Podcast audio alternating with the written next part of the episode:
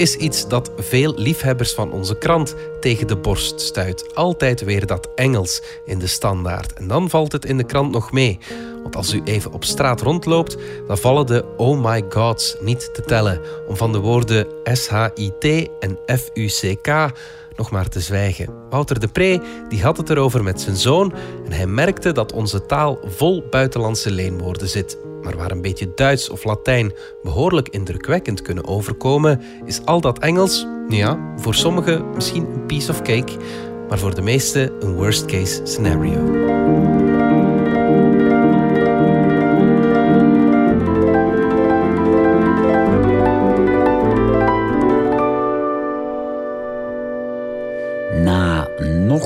Eens een oh my god van mijn jongste zoon te hebben moeten incasseren, begon ik stantepede te fulmineren over de anglificatie van zijn vocabulaire. Ik confirmeerde wat ik hem al vaker had gecommuniceerd over mijn allergie aan zijn culturele koe. Zijn Engels manoeuvreerde me richting een attackje. Als hij mij in een Spaanse furie wou laten exploderen, moest hij vooral op deze manier continueren. Na mijn explosie zou een ambulance me dan naar het hospitaal brengen, waar een plastisch chirurg alle partjes terug tot één persoon zou moeten assembleren. Op dit gejeremieer repliceerde mijn zoon met een what the fuck. Uit deze frase probeerde ik zelf een diepere betekenis te distilleren.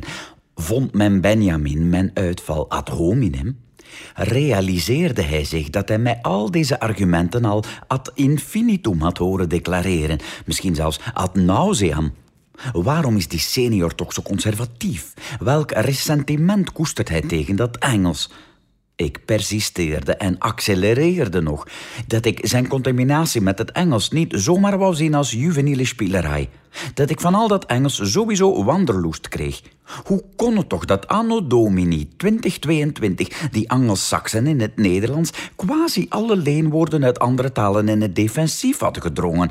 Ik zei hem dat ik de huidige situatie een complete calamiteit vond. Ik smeekte hem om dat Engels toch niet zo rukzichtloos over te nemen en ik gaf toe dat ik hoopte de controle over zijn taalgebruik nog te kunnen accapareren. Dat ik hoopte nog een wende te kunnen forceren, dat hij die met zijn talent voor taal zeker nog kon incorporeren.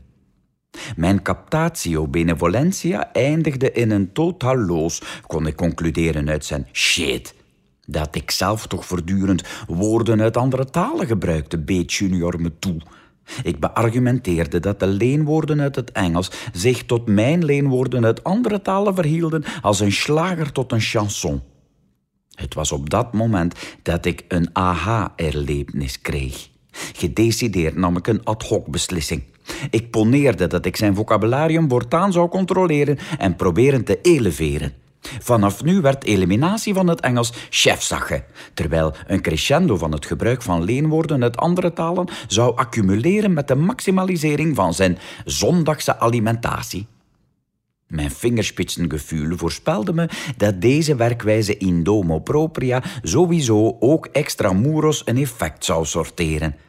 Maar mijn belhamel vond het duidelijk zum kotsen. Met veel drama stortte hij hyperventilerend neer. Please, please, piepte hij.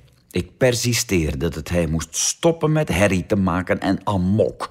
Ik expliqueerde dat ik niet mesjogge was geworden, dat ik niet de ambitie had om de punaise in zijn humeur te constitueren, dat het überhaupt niet mijn bedoeling was om al zijn communicatie als een gestapo te gaan controleren, dat het Engels aan zich niet het probleem vormde, dat ik ook wel snapte dat hij het enigszins moest blijven gebruiken om geen vreemdkuiper te worden tussen zijn copains, dat ik de controle op Engelse leenwoorden thuis zou injecteren met een bepaalde gemütlichkeit, zonder evenwel de gründlichkeit uit het oog te verliezen. Zijn gelamenteer ging daarop gelukkig pianissimo. Zou ik nu zijn alter ego zien verschijnen. Een jeune premier, een uomo universalis, die voortaan copieuze frasen zou larderen met leenwoorden uit de lingua francas van alle grote civilisaties uit de geschiedenis? Hij pacificeerde zichzelf en zei sotto voce, maar gedecideerd: Go fuck yourself.